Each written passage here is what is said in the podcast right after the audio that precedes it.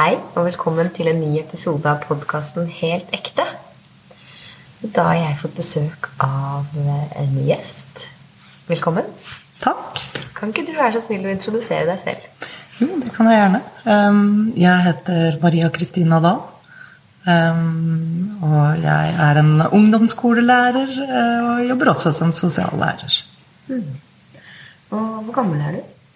Det er herligheten med å tenke. Jeg er 44. Kommer en alder der man liksom ikke tenker på hvor gammel man er lenger. Ja, 44 år er jeg. Ja. Og hvor lenge har du jobba som lærer? Uh, I 21 år. 21 år.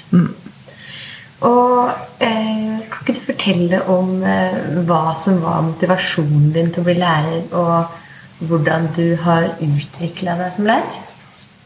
Fra du starta til der du er nå? Jeg tror jeg, eh, Hvis jeg skal liksom starte helt fra, fra der jeg tenker at det starta, så hadde jeg en lekestue i hagen. Der jeg tvinga alle ungene i gaten og gata til å komme inn eh, og eh, ha skole hos meg. Det var ikke så mange som ville. Eh, og hvis de spurte om de snart var ferdig, så sa jeg nå må det være et kvarter til. Så jeg hadde en veldig sånn sjefete holdning, eh, og likte nok det liksom også å drive skole, leke skole. Så det begynte det med. Men eh, jeg begynte på eh, den skolen jeg jobber fordi jeg eh, har på en måte hatt litt sånn, alltid hatt litt forkjærlighet for de som ikke får det helt til på skolen. Og undra meg litt over om jeg kan få til et opplegg eller få til en skolehverdag for de, der de kan få det til. Der de kan føle at de passer inn, og at det er plass til de, og at de kan føle mestring. Eh, Så det var i utgangspunktet motivasjonen min eh, da jeg begynte å jobbe som ungdomsskolelærer. Det er veldig spennende, for jeg har inntrykk av sånn som eh, min motivasjon da, til å få seg en utdannelse, så er det hvilke karakterer man har. Og så velger man gjerne ut ifra hvilke karakterer man har, hvilket studie man kommer inn på. Og så er jo ikke sånn lærerhøyskolen har kanskje litt høyere snitt nå, men noen ganger så har det vært litt lavere snitt. Og så blir man lærer, og så blir det kanskje litt halvhjerta. Jeg har jo hørt noen da som kanskje ikke har den største motivasjonen, og kanskje heller ikke jobber som lærere så veldig lenge. Men du ville jo det helt fra du var liten. Ja, jeg tror jeg har da ligget litt for meg helt siden jeg var liten. Og det er som sagt, jeg jeg tror det begynte med at jeg var litt skjevt, altså. Ja. Ja. Men, eh, men eh, nysgjerrighet og de som faller litt utenfor, da. Eh, Du har jo nevnt for meg at du ser det mer som en ressurs enn som eh, en feil. Det mange, mange av disse her har, har noe ved seg som kan være noe mer enn det å bare være problem. Ja, for jeg opplever jo at uh, mange av de som Kall det ikke passer inn, eller ikke helt finner plassen sin i skolesystemet, de har kanskje andre eh, skills, da. Som ikke det er helt eh, gjort plass til. Eh, kanskje har de en eh, kropp med masse energi. eh, som gjør til at de syns det er vanskelig å sitte stille så mye som det kreves. Um, det kan være at de er veldig Altså ikke bare de, men vi er vel alle litt sånn interessestyrte. ikke sant? At, at de kan synes det er vanskelig å gjøre ting de ikke ser nytteverdi med. At de syns det er vanskelig å, å bruke masse tid på ting de ikke syns er gøy, rett og slett. Og det har jeg begynt med litt i det siste, å se på eh, hva som er gøy. Og faktisk gjøre ting som er gøy. Og da tenker man at nei, det kan man jo ikke. For vi må jo jobbe og slite og faktisk gjøre noe nyttig for å tjene penger og sånt. Nå, og det er til dels sant, men jeg ser jo at hvis man klarer å finne fram til hva som er gøy med det man driver med, så blir man ikke like sliten. Da blir man mer også motivert. Og jeg tror det gjelder barna i stor grad. Ja, og så tror jeg at det vi på en måte syns er gøy og interesserer oss for, det, det gjør vi, og det har vi en indre motivasjon til å drive med. Ja. Så behøver vi ikke å bestemme så fælt over de. Da går det litt av seg sjøl, på en måte. Ja. Og så blir man jo ofte god på det, da. Ja. Hvis man får lov å drive med det man liker, og, og så, så blir det jo lystbetont, og man vil bruke masse tid på det og utvikle seg og bli god. Men sånn som skolesystemet er i dag eh, De som da faller utenfor, nå er jo de du møter Hvor mange elever forholder du deg til i hverdagen? Og det varierer veldig, for jeg har 60% stilling eh, som eh, spesped-koordinator eller eh, som faglærer, da. Og så har jeg 40% som sosiallærer. Så jeg, i sosiallærerstillingen min så har jeg jo med hele skolen å gjøre, på en måte. Um, og har mest virke som, som samtalepartner, vil jeg si. Ja. Eh, der de kommer til meg og løser ulike utfordringer og problemer via samtale. Ja. Um, men eh, i den gruppa da, så, så har vi fag og timeplan og ja. eh, på lik linje med en vanlig klasse, bare at vi er en mindre gruppe. En gruppe på ungdomsskolen? mm. Ja. Og hvem er, de, hvem er denne gruppa? Er det fra alle trinn, eller er det Nei, ikke fra åttende trinn. Vi, vi har en tanke om at de skal få lov å gå et år i ordinær eh, klasse. Ja. For å se hvordan, eh, hvordan de får til det. Ja. Eh, Noen har, en, eh, ja, har liksom en dårlig historie kanskje fra barneskolen, Ja. som kan endre seg. da. Sånn at de skal få muligheten til å oppleve den endringen. Og så ser vi at det er noen som da faller utenfor, og som trenger noe helt annet. Og tanken min bak å starte den gruppa var egentlig at jeg, jeg syns på en måte jeg synes det er rart at vi er så mange forskjellige mennesker, og så har vi ett tilbud, da. Vi burde jo ha mange forskjellige tilbud. Det burde jo være mange skoler inne i skolen for eh, alle disse forskjellige menneskene. Så det at jeg har én sånn gruppe, er jo egentlig veldig lite. Ja. Og jeg har sett på det på eh, skole, som eh, sønnen vår er i noe som heter Ventil. Og jeg hadde aldri hørt om det, fordi det var vanskelig å tilpasse seg en kjedelig skolehverdag. Og så er han så, så fornøyd med å få gjøre noe annet. Og jeg har spurt ja, hva er det dere gjør. Ja, vi lærer. Det er skole, men det er gøy. Og det å tilby noe annet eh, for en liten gruppe det tenker, Og så blir han også engasjert, for jeg tenker hvorfor kan ikke flere som ikke er helt utenfor, få et sånt tilbud der ting kan bli litt lettere, da? For jeg hører veldig mange som sliter. Men det er veldig få som får vite om dette tilbudet. Og det er jo rett og slett fordi det ikke er ressurser nok. Jeg har daglige elever som kommer og sier Hvorfor kan ikke jeg gå fast etter dette opplegget, da? Ja. Hvorfor kan ikke jeg gå på fast? Og, og det blir på en måte litt sånn feil å si at den er fordi du, du får det til for godt til den ordinære klassen. Ja. Eh, For da blir det jo også litt sånn at du skal på en måte mislykkes litt for å få et annet tilbud. Ja. tilbud. Og det også blir jo litt feil signaler. Det burde jo egentlig bare være sånn at man har forskjellige tilbud øh, og får hjelp til å finne den plassen der man har det godt. da. Ja. Og der man lærer best, på en måte. Jeg har vært litt nysgjerrig på Steiner-skole og Montessori-skole. Og fra jeg var yngre, så har jeg Det er jo veldig mange forutinntattheter og fordommer mot ting. Og hørt at nei, de er litt gærne, de, for de vaksinerer seg ikke. Og de er bare sånn Det er ikke noen regler, og de kan i hvert fall ikke matte. Eh, Og da har jeg vært livredd for å, at, å ha ungen min på en Steiner-skole. Eh, mens etter hvert som jeg da har eh, fått øynene opp for hvor viktig kreativitet er for mennesker, f.eks., og, det å se alle disse sterke, flotte personlighetene som har lykkes veldig godt i livet, som har gått på Steiner skole, og også Montessori-skole, så blir jeg litt sånn forundra over for det første hvorfor vi ikke eh, er mer åpne for det, og hvorfor det er noen sånn stor eh, avstand. Og, og igjen litt sånn når jeg tenker ja, jeg kunne jo hatt barna mine på en Steinerskole eller Montessori-skole, og jeg har prøvd, men det er jo ikke så lett heller, for det er jo ikke så mange plasser, og det er jo langt store avstander. Så tenker jeg, hvorfor kunne man ikke, som du sier, ha litt flere tilbud da i offentlig skole? Hva er problemet med det? Nei, ja, jeg vet ikke. Det er jo på en måte, vi er jo, Som lærer så er man jo pålagt å komme seg gjennom en del læringsmål, et pensum. ikke sant? Det er jo mange krav som, som stilles til lærere, så jeg tror det er, det er lite rom. Jeg tror veldig mange lærere ønsker at de skulle gjort ting kanskje litt mer eh, fritt da, for elevene. Og, og, og at men at, at vi blir liksom tatt litt av, dette rat racet, da. At vi skal igjennom. Vi skal liksom igjennom alt vi er lovpålagt, da. Um, og jeg tror jo også at det, eh, sånn som det opplegget og i den gruppa jeg jobber, så tror jeg eh, veldig mange Sånn som du sier i forhold til fordommer, da, så tror jeg veldig mange er på en måte, de er redd for å gå ut av normalen. da, I gåsetegn normalen eller majoriteten. De er redd for å skille seg ut.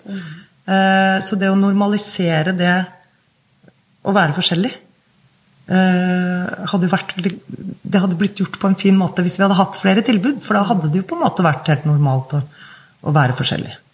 Ikke sant? Så, så jeg tror jo liksom at det, mange av de tilbudene ikke blir til eh, fordi vi, vi, har en stram eh, agenda og timeplan. Eh, og også fordi at vi, har en eller annen idé om at vi skal ligne litt på hverandre. Da. Og at ut, utenforskap det skal vi prøve å unngå, så da vi, legger vi til rette for at vi skal bli mest mulig like. Og målet mitt er jo å se at uh, sårbarhet er jo egentlig likhet. Uh, og det at vi er forskjellige, er jo også likhet. Mm. Men at vi trenger en boks å definere oss i mm. uh, for å finne en gruppering og lignende, mm. det skaper utenforskap, mm. tenker jeg. Så uh, f.eks. i Montessori-skole så har jeg hørt at da i et klassetrinn så ser man jo de som er på samme nivå i matte, er jo der. Og de som er samme nivå i tegning, de holder seg sammen der, sånn at de kan ha glede av hverandre. Mens kanskje man eh, er på et sjetteklassenivå i matte, mens kanskje man er i, i fjerdeklassenivå, som man egentlig er i sosialt. Så burde man jo også få, få være sammen med de eh, andre på sin egen alder, kanskje eh, i et annet klassemiljø, men kanskje ikke akkurat i mattesetting. Jeg syns det virker så naturlig og fint. Mm.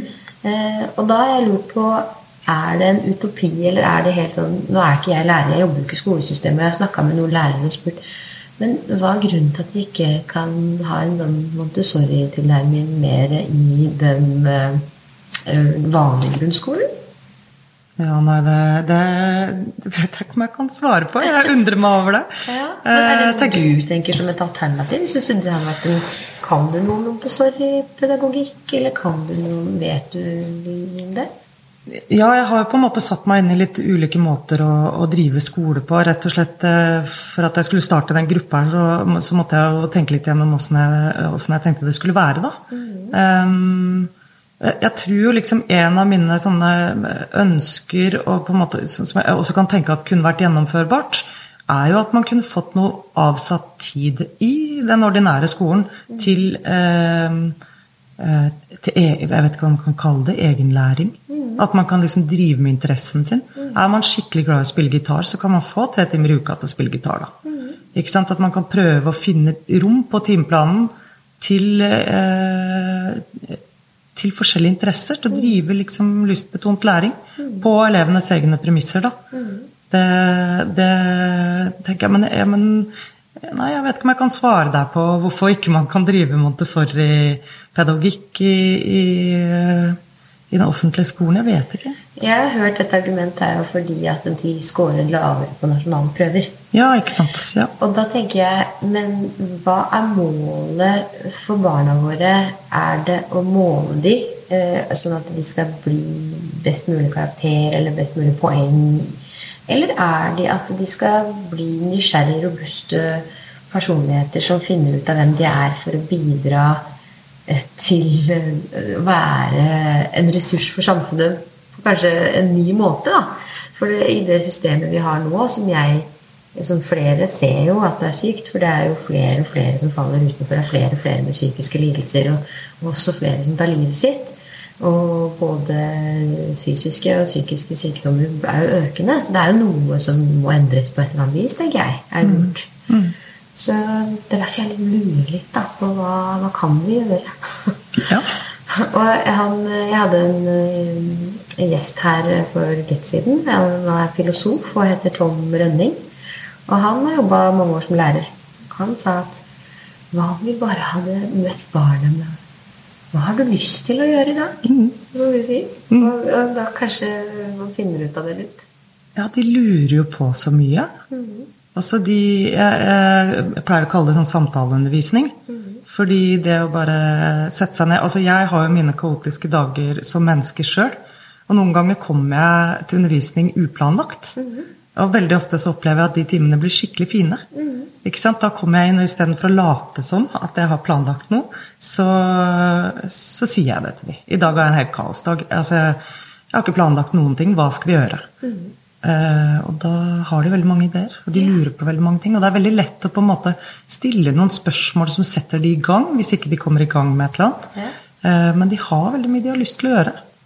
Har veldig mye sånn egendriv i læringa si, og det, det tror jeg vi liksom eh, får sett litt lite av når vi, vi kommer inn med en plan hele tiden. Når vi hele tiden har en plan på hvor de skal hen, så mister man mye kreativitet og, og, og lystbetont læring da, Da tror jeg også det blir det der at når vi er vant til det, og lærerne sier nei Når hvis de skulle fått uh, egen tid, så ville de bare sluntre unna. Det er jo en sånn typisk holdning til det. Men det er fordi de har lært å være passive. Og lært å bare motta en ordre. Mens hvis man lærer å stille spørsmål, og lærer å lure på hva man skal Hva man faktisk har lyst til, Ja, så må man kanskje slippe de litt fri, da. Tåle det kaoset og det som oppstår, og se noe positivt i det, på en måte. Ja. Eh, For det, det vil jo sikkert være noen som kaller kall det sluntrer unna. Ja. Eh, Det tror jeg ikke er å unngå. Men jeg tror jo de etter hvert vil kjede seg litt med å sluntre unna, da. Og finne et eller annet de har lyst til å drive med det. Og så må vi liksom våge å slippe opp litt og, og tørre å se litt hva som skjer. Eh, Og det tror jeg også er liksom mye av det kanskje Nå, nå snakker jeg spesielt om ungdom, men som ungdom blir litt sånn eh, i opposisjon mot, da. Det er jo kontroll, ikke sant. Og at det er noen som skal bestemme over de på en eller annen måte. Eh, Så det å Jeg tror jo skolesystemet i dag er en positiv utvikling sånn sett. At, at det er mer medvirkning, og at ungdom får lov å, å, å delta mer på sin egen undervisning. At ikke det er så veldig sånn lærer-elev-rolle, men at det er mer eh, At vi samarbeider mer, på en måte, da. Men eh, jeg tror ungdom eh, er eh, i opposisjon mot eh, kontroll, og at noen skal styre og bestemme. De skal liksom ikke bestemme over meg. Eh, Så det å, å la de få lov å bestemme litt, og våge det, så tror jeg vi ser mye, mye fint. Vi opplever mye fint. Og det tenker jeg Norge at frihet, den, at vi har frihet, Mm. og den skal vi verne om, og den skal vi faktisk eh, anerkjenne da, i barna som faktisk ønsker å være fri. Ja. Så ja, det å bestemme over oss sjøl, det er en ganske flott kraft. Og det tenker jeg det driver vi med uansett om vi er unge eller voksne eller eh, får lov å bestemme sjøl. Har du alltid følt at du kan gjøre det for deg? Har du alltid følt din egen eh, Har du alltid visst hva du vil? Nei, jeg har ikke alltid visst hva jeg vil, men jeg er nok ganske sånn bestemt. Og jeg, jeg tror jeg lærte meg tidlig å tåle å være litt aleine. Jeg tror jeg skjønte tidlig at det å være litt uh, aleine, det gjorde at jeg kunne stå opp for meg sjøl og grensene mine, og, og at det liksom førte med seg integritet. da. At uh, noen ganger så, så er ikke folk enige med deg, men uh, så lenge jeg var litt sånn enig med meg sjøl, så var det nok, på en måte. Jeg tror eh, Mammaen min har vært klok. Hun, hun har alltid sagt at du må være tro mot deg selv. Ja. Og det har vært litt sånn livsmotto som har gjort at jeg, at jeg har ja. Jeg Så jeg har ikke alltid visst hva jeg har vilt, men jeg har nok vært uh, ganske god på å stå for det jeg mener, på en måte. Ja. Ja.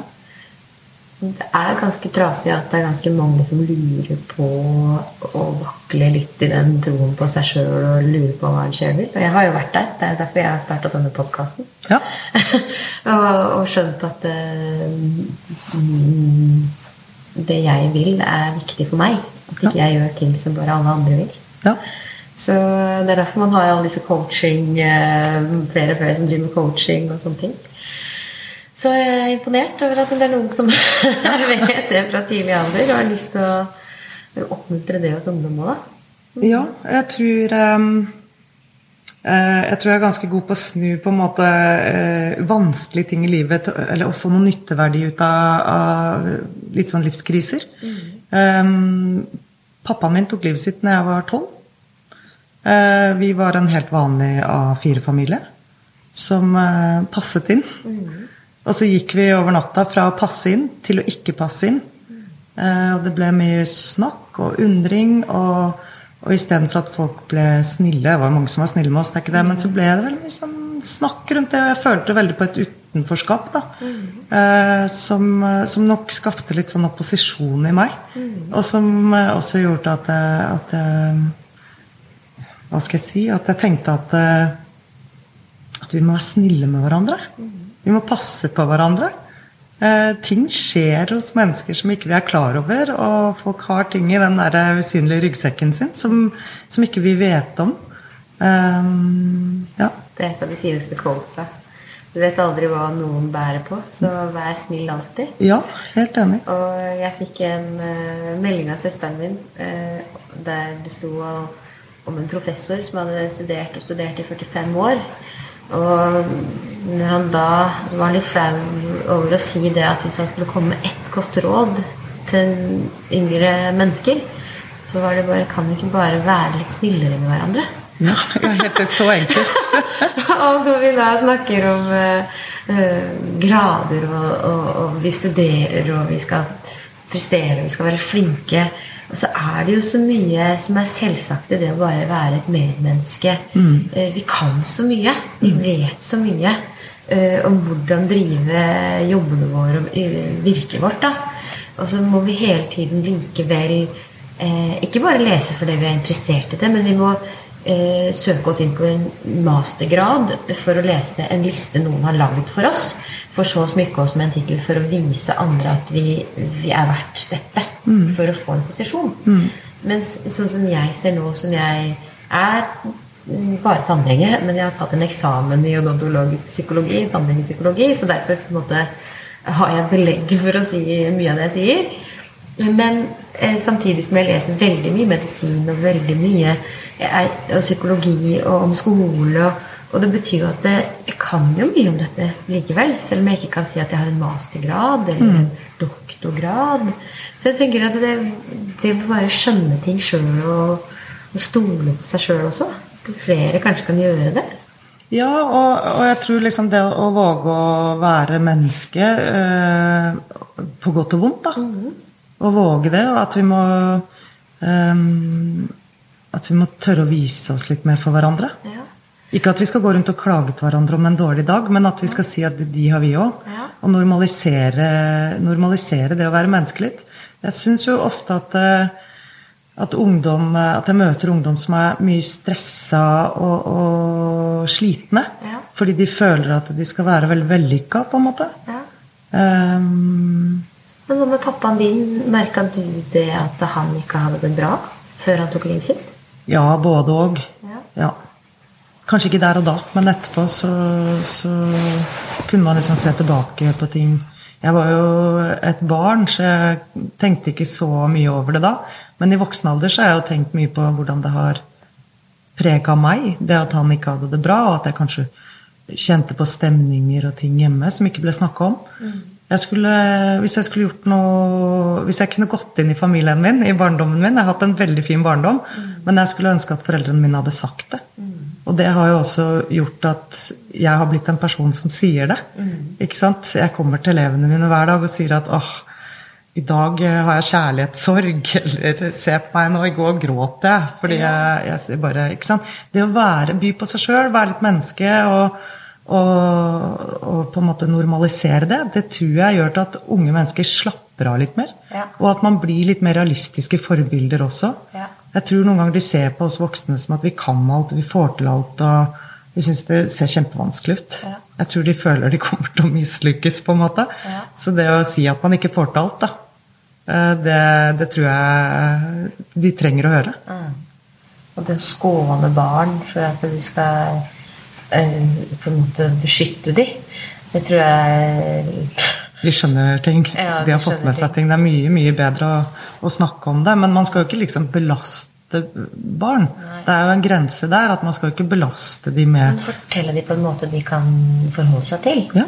Og jeg merker også det at eh, når jeg har det dårlig, og, og det å fortelle barna mine at nå var jeg en forferdelig dårlig mamma. Mm. Det var helt Men eh, jeg hadde det sånn, og sånn skal jeg ikke gjøre. Eh, men eh, gå videre. Sånn gjør vi Jeg har også følelser. Ja. jeg klarer ikke å kontrollere meg alltid. Og det skal ikke gå utover deg. Men det er sånn å bare innrømme det. Men vi går jo på en måte utover hverandre. Ja. Det er jo umulig tenker jeg, å leve et liv uten at vi trår hverandre på tærne eller sårer hverandre eller irriterer hverandre. Eller det er jo en del av pakka, på en måte. Og så er det en god læring da, å se hva man gjør som påvirker andre mennesker. Mm. Fordi alt påvirker hverandre. Ja, som du sier, vi påvirker hverandre. Ja. Så hvis, eh, hvis barna er frekke og viser motstand. Og jeg forstår det, men til slutt så blir det nok. Jeg bare klarer ikke å være hyggelig mamma lenger. Og bare Hva?! Ja, ja. Så du å oppføre deg! Snakk ordentlig med meg òg! Jeg er også et menneske. Ja. så det var liksom å sette litt grenser og vise at vi ikke er en servicestasjon. Ja, ja, ja. Helt klart. Neida, men eh, jeg har også sett på det med pasienter at når jeg forteller Jeg har mange, mange redde pasienter som kommer til meg, så jeg er veldig nysgjerrig på hva som har gått gærent hos den forrige tannlegen. Og da er det uh, veldig mye med hvordan de ble snakka til, at tannlegen var slem, eller eh, var frekk, eller kjefta, eller og så spør jeg litt hva tannlegen sa. Og så sier jeg at vi tannleger også er jo mennesker med en uh, sårbarhet, faktisk, sier jeg noen ganger. Fordi uh, vi vil jo gjerne at det vi gjør, blir bra. Så hvis du fortsatt får hull i tennene, så kan vi føle at vi er dårlige tannleger. Så vi, vi, vi kan da ta noe personlig, eller så prøver vi å vise dere og si til dere at dere må pusse bedre. Eh, men så er det kanskje vi som mangler noe verktøy da, i å forklare hvordan dere skal pusse bedre. Og så sitter dere kanskje da og føler dere kjefta på. Mens eh, hvis tannlegen da sånn som forstår avstanden i den rollen med at vi vet enormt mye, og tar som en selvfølge at pasienten skal vite hvordan de pusser tenner, så er det en grop i midten her av manglende informasjon. Ja, ja. Så det har skjønt da at ja, så spennende at du opplevde det sånn. Men da ser vi hvordan det ser ut nå. Og så eh, viser jeg den her. Eh, hvis du ser hvordan jeg bruker tannspirker her Nå ser jo jeg at jeg har gjort det altfor dårlig. Ja.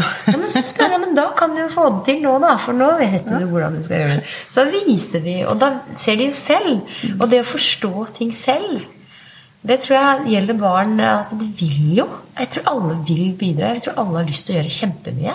Ja, jeg tror stort sett folk har eh, Jeg tror de fleste mennesker gjør så godt de kan. Ja. Virkelig. Og gjerne også vil gjøre bedre. Ja. Sånn at jeg tror det er mye gode hensikter ute og går. Og så blir det jo ikke alltid sånn. Nei. Ehm, og det er det vi kanskje må, må liksom normalisere, da. At eh, vi, vi prøver så godt vi kan alle sammen. Vi er jo på en måte bare ute etter å gjøre så godt vi kan. Mens, eh, så det å tro det beste om folk, da. Ja. Jeg så veldig det som leder, leder også. Vi hadde sånne medarbeiderundersøkelser. Og svaret om at jeg sto på så godt de kunne. Tror du at kollegene dine gjør stå på så godt de kan? Så var svaret dårligere enn Ja. selv hadde pratet om seg selv. Oh, ja, så de trodde ikke andre Nei, gjorde det Nei, tror ikke like bra om andre. Jeg tror at mange heller har lyst til å sluntre unna. Men det er fordi vi ikke forstår hverandre. Og så har kanskje den Etter hvert som vi da har åpna litt opp og vært litt nysgjerrig på disse resultatene, og, og heller også sett at ja, men alle bidrar med det de har, og kanskje tenker annerledes og gjør det på en annen måte, og så ser vi bare vår egen snute mer enn kanskje en annens, da. Så jeg tror det er liksom i oss at vi har lett for å kritisere, kanskje. Ja, så har, har det Jeg tror eh, jeg, er ikke religiøs, men jeg tror jeg har en gud som heter forventningsavklaring. Ja. Jeg tror på Jeg tror veldig mye med eh, unødvendigheter oppstår mellom oss mennesker på grunn av vi ikke, for at vi har feil forventninger. Ja. Vi har feil forventninger til oss sjøl og Kan til det være med den religionen? Ja, ja, det kan det. Jeg tok i motivasjonspsykologi for noen år tilbake, og da var det en foreleser som snakket bare i eningen om forventningsavklaring. Så det ble, det ble min gud, faktisk. For det syns jeg ordna opp i veldig mange ting i livet mitt. Ja. Ehm, og også i jobben min. Ja. Når jeg snakker med, med ungdommer, så snakker jeg med noen som syns det er lett å prate, og noen syns det er vanskelig å prate. og ikke sant, Alle mulige mennesker da, som, eh, som kommer med ulik problematikk og ting de trenger hjelp til. Og da er jeg veldig tydelig på å, å, å begynne med en forventningsavklaring. Ja. Og si at jeg kan ikke frelse noen for noe. Nei. Jeg kan bare lytte, og så kan jeg være menneske, og så kan jeg kanskje komme med noen tips og råd. Ja. Fordi at jeg har levd eh, mye selv, så jeg, jeg tror jeg kan skjønne ganske mange ting. Ja. Eh, og så sier jeg det ikke videre til noen. Det vi snakker om her, det blir hos oss. Men hvis du forteller meg ting som, er, eh, som jeg må fortelle videre, for det kan jo også skje, så, så kommer jeg til å si det til deg. Jeg kommer ikke til å gjøre noen ting bak ryggen din. Eh, så har vi en sånn type forventningsavklaring som gjør at eh, uansett om det kommer ungdommer som kanskje ikke har tort å prate før, da begynner de å prate. For da er det avklart eh, og trygt det de er med på. Men det å prate Mange mener at det å prate ikke hjelper. Hva tenker du, hva, hva fører praten til, da? Um, jeg tror det er liksom en type ventilering. Jeg tror at uh, Det er jo bare mine tanker om det, men jeg tror at når vi bærer på ting alene over tid, så oppstår det et type trykk inni oss uh, som, som, ikke er godt å gå med, rett og slett. Uh, som kanskje tar fra oss nattesøvn, som gir oss tankekjør. Jeg tror at det å prate og, og, og dele med noen, det, det gjør til at vi får slippe vi slipper opp det trykket. Mm. At uh, vi får ventilert. da. Samtidig som det er godt å, å, Jeg har alltid tenkt sånn at hvis jeg har vondt i beinet og, og sliter med det, så syns jeg det er skikkelig kjedelig, helt til kanskje du kommer også har vondt i beinet. Så syns jeg plutselig det er ganske hyggelig å ha vondt i beinet, på en måte. For da er vi jo sammen om det. Så det å dele ting og snakke om ting og ikke føle seg alene, det tror jeg er en ganske viktig ja. faktor ved det å prate, da. Jeg ønska meg både briller og munnsår, for det hadde han jeg var forelsket i ja, på barneskolen. Men altså, i psykologien så er det det der med som du sier, det der tankekjøret som et sånt følelseslokk. Og hvis man klarer å sortere tankene sine litt i en samtale, og mm. kanskje få litt bekrefta at andre også har hatt det sånn, at man ikke føler seg så unormal med altså, disse rare tankene man har, så kan man også få litt sånn støtte og hjelp til å føle følelsen ut. Ja. Og da kanskje tankekjøret slipper, eller man kan gå videre og la det gå. Ja. Og forholde seg til det på en enklere måte istedenfor å kanskje skjule det. Ja, og så, tror jeg jo liksom at, at, eh, det å ikke føle seg aleine, det å føle seg liksom um, ikke lik, men at eh, man, at man, ikke Mange unge mennesker i hvert fall da, sitter og føler at sånn her er det bare jeg som har det. Ikke sant? Det er noe galt med meg. Eh, og det å få trygga de på at det er det ikke. Jeg får veldig mange av de som er redd for tannlegen, som har, sitter med en enorm skam for tennene sine. Ja. Og tenker at de er alene om dette. Mm. Jeg hadde ei som eh, skrev melding til meg på Facebook en lørdag kveld. Og da var, han hadde hørt om meg Hun hadde hørt om meg på en video eller noe sånt på nett, og så lurte meg fortsatt om jeg kunne hjelpe henne. da. Så sa jeg ringer deg på mandag, så tar vi en prat. Og da kom hun faktisk inn til tannlegen, og hun hadde mista en tann, og hun hadde måttet sykemelde seg fra jobben den dagen fordi nå toppa angsten seg fordi nå begynte at tennene falt ut av seg selv. da. Mm. Det begynte å synes. Og hun skamma seg, og hun, hun bare orka ikke å være på jobb. Og jobben var liksom hennes stolthet. At hun holdt alltid ut og jobba i barnehage. og øh, hun, hun var så, Det var viktig for henne å være på jobb. Men at dette her liksom rakna. Og så tok vi en prat, og så snakka vi litt om den der skammen. Og hva som var grunnen til den skammen. Og hennes historie da, som at hun hadde, de hadde flytta til et annet land. og Hun hadde tatt av yngre søsken fordi hun var syk. Alltid vært den som hadde liksom ordna opp og stilt opp. Og aldri vært hennes, hennes, behov som hadde kommet først. Men hun hadde alltid liksom bare på mye sånn man kan si traumer, da. Hvis man går inn i Og da vi snakka litt om det, og vi forsto at det her hadde jo ikke med det var så mye der. Det var ikke bare det at jeg beskyldte henne eller syntes at hun burde skamme seg for ikke å ha tatt vare på tennene, men vi snakka om alt det andre også. Mm. Og da eh, neste gang hun kom, så var hun så fornøyd, for da hadde hun fortalt både til mannen sin og barna sine og til sjefen sin om denne tannkjøttsykdommen og denne angsten for tannlegen, at det var derfor hun hadde det sånn som hun hadde. Hun hadde bare blitt møtt med en enorm forståelse og varme. og og er sjefen som har sagt at nå forstår jeg jo hvorfor du trekker deg inn i deg selv, og mm. at det ting er vanskelig, og selvfølgelig skal du få fri til å gå til tannlegen. sånn og sånn. Og sa men hva var grunnen til at du turte å åpne opp om dette? Fordi jeg, altså, ja, Hvis tannlegen ikke dømmer meg, hvorfor skal noen ja, andre dømme meg ja. for dette her? og det var så fint det der med å bare Da var det så lett å bare forholde seg til akkurat det praktiske hva vi skal gjøre for å få det bedre. Mm. Når vi er ferdig med all det der følelige om alt som står i veien. Mm. Og jeg tror jo det er så Og det er jo tannleging, men Grunnen til at jeg alltid drar opp disse pasientene, er for jeg tror det har med de samme elevene. Jeg tror det er det samme arbeidsforholdet på uh, alle arbeidsplasser. og jeg tror det er sånn også i forhold hjemme med, med barna våre og mannen vår at vi ikke kjenner hverandre, kanskje, fordi vi bærer på et eller annet vi ikke tør å åpne opp om. Ja, vi er jo kanskje til syvende og sist redd for ikke å være gode nok, og redd for ikke å bli elska. Redd for at noen ikke skal være fornøyd med oss, og da skjuler vi mye rart. Og skammer oss over kanskje ting som er helt unødvendig å skamme seg over. Da. Og det er så dumt, fordi da, da blir vi jo på en måte hva skal jeg si, Da blir vi jo litt sånn kunstige overfor hverandre. da. Og så går vi rundt med en eller annen sånn presteringskultur der vi skal være vellykka mennesker som får til alt. Og så går egentlig alle rundt med de samme hemmelighetene, fordi vi får ikke til alt. Uh, og det, det, er, ja, det er jo litt trist at det skal være sånn. Du har fortalt meg at du føler at du lever litt sånn hemmelig på jobb med disse ungdommene og disse samtalene du har. At du tør å være medmenneske. Du tør å åpne opp og, Ja. og være menneske. Jeg begynte jo som ungdomsskolelærer da jeg var 22 år. Ja.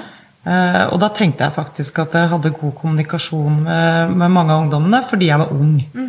Eh, og kollegaer fortalte meg at det, det her var lett for meg fordi jeg var ung. Eh, og at det var det som var liksom greia. Men så følte jeg jo kanskje at jeg hadde et eller annet um, som jeg var god på. At ikke det bare var alderen min, og at jeg var ung og kul, eller ikke sant. Eh, og nå i en alder av 44 så vil de fortsatt snakke med meg, så, så da tenker jeg at jeg har fått bevist at det var liksom ikke bare det. Men eh, em, jeg har alltid tenkt, som jeg sa i stad, at det å eh, våge å være menneske og by på seg sjøl, på en måte Det å normalisere alt det det innebærer å være menneske, da, det, det syns jeg gjør at vi senker skuldra og, og blir trygge på hverandre. Og, og vi snakker jo veldig mye i dag om at, i skolesystemet at vi må bygge relasjon til elevene våre. Og hvordan man gjør det, det, det snakkes etter min mening kanskje litt for lite om. Vi snakker om at det er kjempelurt. da. Veldig lurt å ha god relasjon til elevene sine, men hvordan vi gjør det, hvilke metoder vi bruker da, ehm, det snakker vi litt lite om. Det blir som å si til pasienten at du skal pusse tenna uten Ja. å lære deg å pusse tenna. Ja, Ja. på en måte. Så derfor tenker jeg da er den kompetansen du har, faktisk en ganske stor verdi. Og jeg tror at det den verdien det er i, i kommunikasjon. Og det i å forstå hvem vi er som mennesker, og, og den usikkerheten vi alle sitter på, som hindrer oss i å samhandle med andre mennesker. Da. At det er så utrolig viktig å lære mer om. Ja, og det å, å våge å være feilbarlig på en måte overfor hverandre, det er jo liksom Det er det jeg føler jeg gjør når jeg snakker med ungdommene. da. At, uh, at jeg forteller om meg sjøl. Sier at vet du hva, tror jeg kan skjønne litt hva du snakker om. For når jeg var på din alder, så følte jeg det samme. Eh, bare i forhold til nå eh, ungdom som snakker mye om psykiske lidelser. Da. Som snakker mye om det å ha vondt. Eh, på og ikke kanskje forstå og kanskje ikke finne ut av hvordan de skal leve livet sine. Normalisere det litt. Det, jeg, kan, jeg kan si at jeg husker veldig godt at jeg, at jeg famla sjøl, på en måte. Og fortelle noen historier fra meg sjøl. By litt på det. Eh, uten at man er så redd for at det Jeg tror noen ganger så er man redd for at det skal bli brukt mot en. Ikke sant? Man er redd for at det, man skal framstå som ikke profesjonell, eller, eh, eller at man i samtale skal tenke sånn Nei, men jeg skal jo ikke sitte her og snakke om meg sjøl. Og så, så er jo det en balansegang. Man skal kanskje snakke litt om seg sjøl òg. Vi skal jo snakke sammen. Og da må vi jo snakke også litt om oss sjøl. Eh, men at det er en balansegang, selvfølgelig. Men jeg tror at det, at det å gjøre seg sjøl menneskelig eh, gjør man veldig lett ved å, å være det. Vise det. Og at livet er historier, og at hvis man skal fortelle alt på en sånn faglig måte, så forsvinner budskapet. Men hvis man forteller det i en historie, så blir det så lettere, mye lettere å forstå da, for de som ikke kan det samme faget som en selv. Det er derfor tegnefilm er så bra. Ja, ja klart. det er så mye gode uh, li livslæring i gode tegnefilmer. Ja, det er det faktisk. Veldig. veldig. Jeg gjør det, jeg gjør det også eh, Jeg sa det til en kollega i dag, at eh, man får sånn, eh, sånn lurelån, kaller jeg det til ungdommene, i posten. Ja. Og får et Nordax, eller hva det heter for noe. Ja. Så for å lære de litt sånn god livsmestring, da, så tar jeg med den konvolutten på jobben. Ja. Og så sier jeg Dere vet jeg ønsker meg en ny kajakk? Ja. Nå har jeg fått det her i posten. Jeg er bare dødsglad, sier jeg. Og så tar jeg opp dette her og viser dem at her kan jeg jo bare ringe og få et lån. Eller det er jo så lett, jeg kan kjøpe en ny kajakk. Ja. Ja, det burde du gjøre, sier de. Og så begynner vi å se litt på dette her. Så begynner vi å se på de her eh, Alle disse på en måte gå. bakdelene, da. Nå kommer det en hund du har veldig lyst til å være med. Men du har vært med før, du. Hvis du sitter stille, så kan du komme her. Hei, Disse. fin du var. Hei. Du, skulle du komme og hilse, du? Så da lærer du dem om personlighet Ja, og det, ikke sant, at, at jeg, som de kjenner, de har et personlig forhold til meg. Ja. de har et personlig forhold til meg. Ja. Så de bryr seg om at jeg ønsker meg kajakk. Ja. Så det får jo på en måte en knagg å henge dette her på. Og så snakker vi om det lånet her, og så ender de alltid opp med da når vi ser på hvor mye renter og Du skal jo nesten betale tilbake dobbelt så mye. Og ja, nei, kanskje ikke det er så lurt likevel. Og så har jeg på en måte gitt de ganske nyttig lærdom da, om at sånne lån er ikke så veldig lurt å ta. Istedenfor at jeg står og snakker om dette fra et upersonlig perspektiv. Ja. Så husker de Maria med kajakken og, og det lånet hun ikke burde ta. ikke sant? En eller annen gang når de får dette brevet i posten sjøl. Forhåpentligvis. Ja. Ja.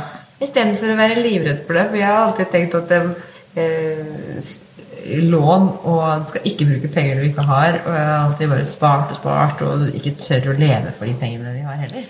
ja. Jo, jo. En sånn fin sånn tilnærming til å snakke om ting. Ja. ja, jeg tror det at, det at de får noe personlig å henge det på, det tror jeg gjør til at de husker det. Ja. Hva er det beste med arbeidshverdagen din? Det er eh, jeg vet ikke, ungdommenes eh, uforutsigbarhet og råhet og ærlighet. og Jeg liker det. Jeg, jeg syns kanskje noen ganger kan være litt vanskelig å være voksen fordi man skal oppføre seg så hele tiden. Så jeg kan synes det er ganske fint å være sammen med ungdom. Det er det beste med, med arbeidet mitt. Det er å være sammen med hudløse, ufiltra ungdommer som eh, sier ting eh, rett ut og lurer og undrer seg, og som ikke er så satt, som ikke har blitt så forma ennå. Det, det blir jeg på en måte aldri lei av. Jeg hører noen sier at ungdom er slitsomme og plagsomme, og jeg syns det er helt motsatt. Jeg synes det Voksne er litt slitsomme. og plagsomme? Ja, heller. Jeg hørte noen kloke ord fra Hilde, vi jobber sammen i dag, om at eh, man eh, slutter ikke å leke fordi man blir gammel. Man blir gammel fordi man slutter å leke. Ja, helt enig. Og kan vi ikke bare leke litt mer? Jeg er helt enig. Jeg sa det til en ungdom her om dagen som, eh, som var hjemme fra skolen og syntes ting var litt vanskelig. og Jeg drar noen ganger hjem til de og snakker med de da, og da uh, sa jeg til han at uh, vi snakka om masse forskjellige ting. Så sa jeg at jeg er liksom hun 40-åringen som klatrer i et tre hvis jeg ser et tre jeg har lyst til å klatre i. Ja. Så glemmer jeg helt at jeg er liksom 44 år, 40, helt til det kommer noen andre voksne på stien. Og jeg sitter i toppen av det treet, og da tenker jeg bare å, det her ser sikkert litt dust ut. Men det skal man fortsette å gjøre, sa jeg. Og da ble han helt ivrig. Da, da tror jeg han så et eller annet lyst i tunnelen der, for at da kunne han bli voksen for å kunne fortsette å klatre i trær. Ja. Fortsette å leke, fortsette å, å, å ha det gøy, da. Og jeg ser det på sønnen min, som har vært livredd for å være, at jeg skal gjøre noe gærent, eller at vi skal gjøre noe som noen vil se rart på, eller Så det liksom litt plass i det, da. Ja. Og så nå som jeg får lov til å være med han på karate, og jeg følte meg dødsteit når jeg skulle stå der med alle ungene og gradere og få gult belte i karate. Ja. Men likevel, så nå, er- nå er vi liksom like menn da, på karaten. I dag så har hatt en kjempefin trening der vi begge har lik innsats. Og jeg spurte har du lyst til å være på gruppe med hun andre. Nei, vi to. Å, så Og det er så fint. Da gjør vi det samme. Og vi er like voksne og like alvorlig. Og så lenge jeg ikke kjefter på de andre barna. Og er den kjipe voksne. Ja, det er jeg ikke. Ja, vi må jo være, være med på deres premisser, på en Ja. måte, da. Så, så går det bra. Ja. Da skal vi oppsummere denne praten med? Jeg syns det har vært veldig fint å ha deg på besøk. Det har vært så fint å være her. Så det å være litt snillere med hverandre. Det å ikke slutte å leke, fortsette å leke, ja. tenke at vi har gode hensikter. Ja. Uansett eh, om eh, uttrykka alltid, ikke alltid virker eh, gode, så er det gode hensikter bak. Ja. Så at vi skal tørre å være medmennesker og ikke bare eh, gjemme oss bak profesjonaliteten. Nei, å vise oss som sårbare. Ja. Realistiske forbilder for disse unge menneskene som, eh, som er på vei inn i voksenlivet. Ja. Man trenger ikke være alvorlig og ordentlig hele tiden selv om man er voksen. Nei, man gjør ikke det. Absolutt ikke. Jeg håper å få deg på besøk eh, seinere i podkast også, så Ja, det vil jeg veldig gjerne. Da kanskje vi snakkes en annen gang. Ja, takk. Det kommer, det kommer veldig gjerne igjen. Ja, takk for i dag. Takk for i dag.